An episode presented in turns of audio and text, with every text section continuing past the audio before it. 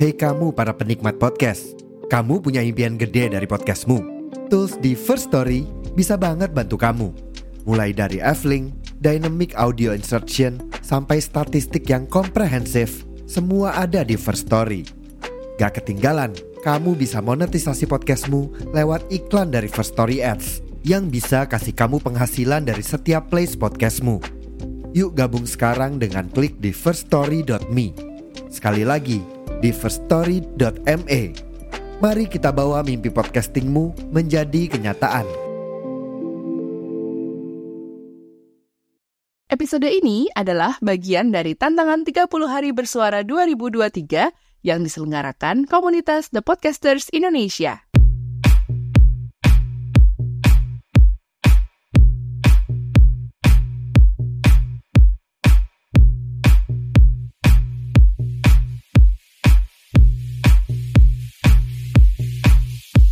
Halo, Assalamualaikum warahmatullahi wabarakatuh. Apa kabar? Bu Ibu, semoga selalu dilimpahi kesehatan yang prima ya. By the way, ini bulan Desember.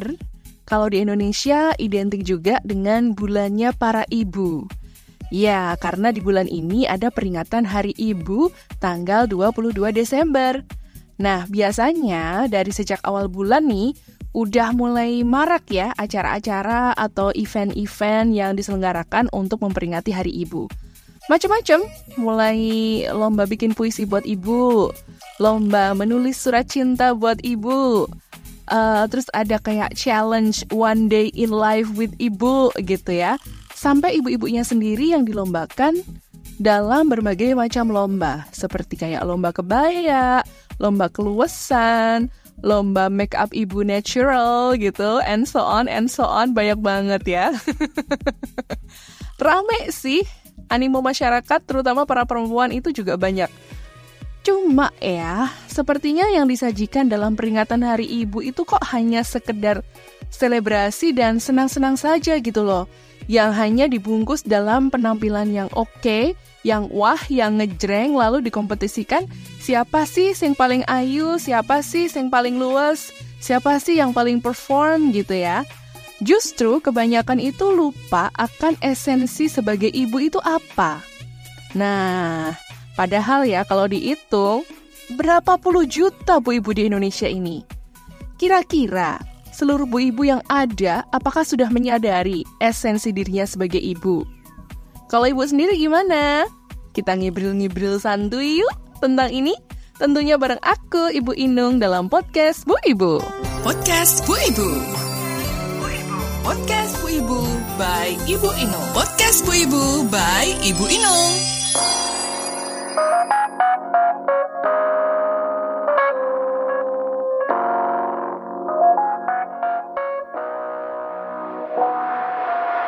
Ibu, peringatan Hari Ibu itu nggak sepenuhnya hanya soal lomba-lomba antar Bu Ibu loh ya.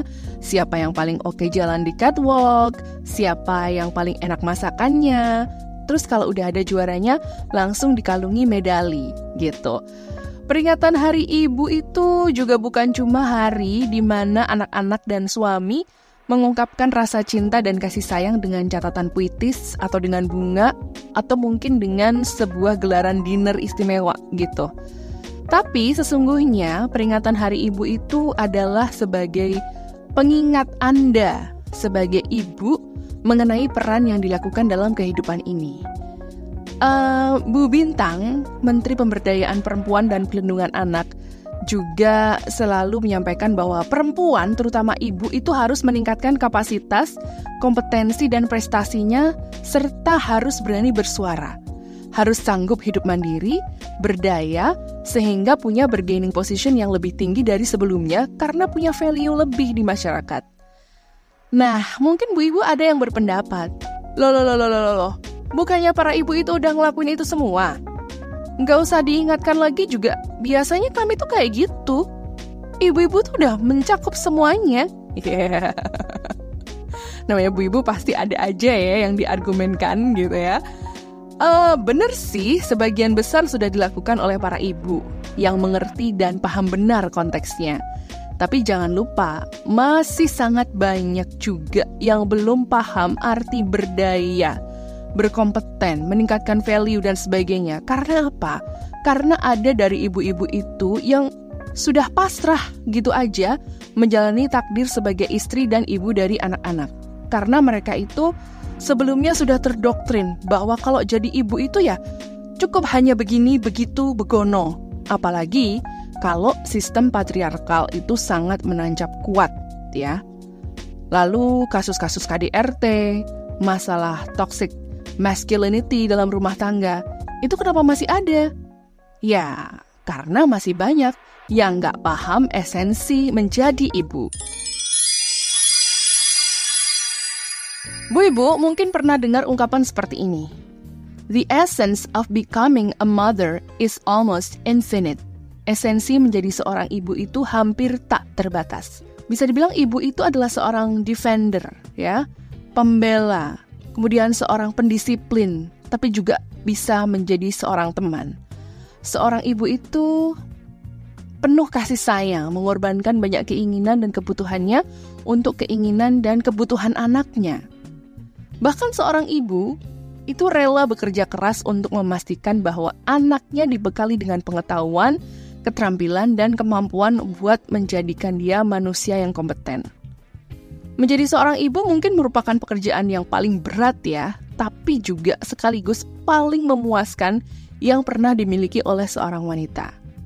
Menjadi seorang ibu itu berarti mengajarkan anak kita aturan-aturan dasar dan juga peran dalam kehidupan, mulai dari menjadi manusia yang berempati sampai menjadi orang yang bertanggung jawab atas tindakannya. Ingatkan ya, ibu adalah madrasah pertama anak-anaknya. Nah, seiring pertumbuhan anak kita, mereka itu akan menghadapi gempuran berbagai ide, lalu juga sudut pandang, dan juga keyakinan dari luar kita, dari luar keluarganya, seperti misalnya dari teman sebaya, lalu dari film, dari internet, dari televisi, dari majalah, dari segala bentuk komunikasi dari luar keluarga. Tapi yang namanya ibu tentunya akan membantu mengarahkan anaknya buat mencari tahu tentang aspirasi dan keyakinan mereka dalam hidup, serta mengajarkan mereka itu betapa pentingnya sekolah atau betapa pentingnya pendidikan dan juga etika dan juga akhlak dan sopan santun dan banyak lagi. Dan semua itu awalnya dari siapa? Dari ibu. Memang tidak semua perempuan itu bisa menjadi ibu, tapi bukan berarti perempuan itu tidak bisa belajar menyayangi layaknya ibu, gitu ya. Perempuan yang memiliki hewan peliharaan, mereka pun menyebut dirinya ibu untuk peliharaannya itu. Karena mereka merasa mencurahkan kasih sayang dan perhatian layaknya seorang ibu kepada anaknya. Mereka juga akan berusaha ngasih yang terbaik buat anak-anak peliharaannya itu sedih kalau kucingnya sakit, nangis kalau anjingnya meninggal, dan happy kalau misalnya ada milestone tertentu yang bisa dilakukan oleh peliharaannya itu. Ya, sampai segitunya karena curahan kasih sayangnya begitu dalam. Tapi ada juga ibu-ibu, bahkan banyak ibu yang terlalu keras pada diri sendiri karena mengejar kesempurnaan dan takut gagal menjadi ibu. Padahal hal ini justru bisa merusak ibu sendiri secara fisik maupun mental. Dan sebenarnya anak-anak tidak menginginkan itu. Anak-anak tidak butuh ibu yang sempurna. Ya. Justru biasanya tuntutan itu tuh datang dari masyarakat. Bahwa ibu itu harus bisa begini, harus bisa begitu, harus mampu begono, harus ngelakuin ini, itu, anu, semuanya. Padahal kalaupun ibunya nggak bisa melakukan sesuatu untuk anak-anaknya, si anak itu juga akan maklum kok. Anak-anak itu justru lebih ingin bersama ibu yang ceria, yang happy main sama dia, bukan yang ngasih peraturan-peraturan kaku. Demi memberikan yang terbaik untuk anak-anak, untuk keluarga, seorang ibu itu kadang terlalu keras pada dirinya sendiri untuk bisa jadi sosok sempurna. A perfect mom, a super mom, kadang begitu disebutnya. Padahal sejatinya, ibu itu tidak terlahir tahu segalanya tentang mothering. Karena hidup ibu itu adalah sebuah perjalanan belajar. Setiap hari adalah momen belajar. Bahkan terkadang, si ibu ini juga belajar dari anak-anaknya. Gak jarang kesalahan terjadi, tapi itu alamiah kok. Menjadi ibu adalah pelajaran seumur hidup. Jadi, jangan lelah belajar ya, Bu belajar membaca zaman untuk dapat mengasuh dan mendidik anak sesuai zaman itu juga perlu. Kita pun harus punya kompetensi sesuai zaman untuk mendidik anak agar tumbuh jadi pribadi yang siap. Tularkan juga semangat belajar mengolah kemampuan diri kepada teman-teman ibu yang juga seorang ibu. Kepada teman-teman ibu yang OTW jadi ibu, agar makin berdaya dan bisa bersaing. Aku Ibu Inul. See you on my next episode of Podcast Bu Ibu.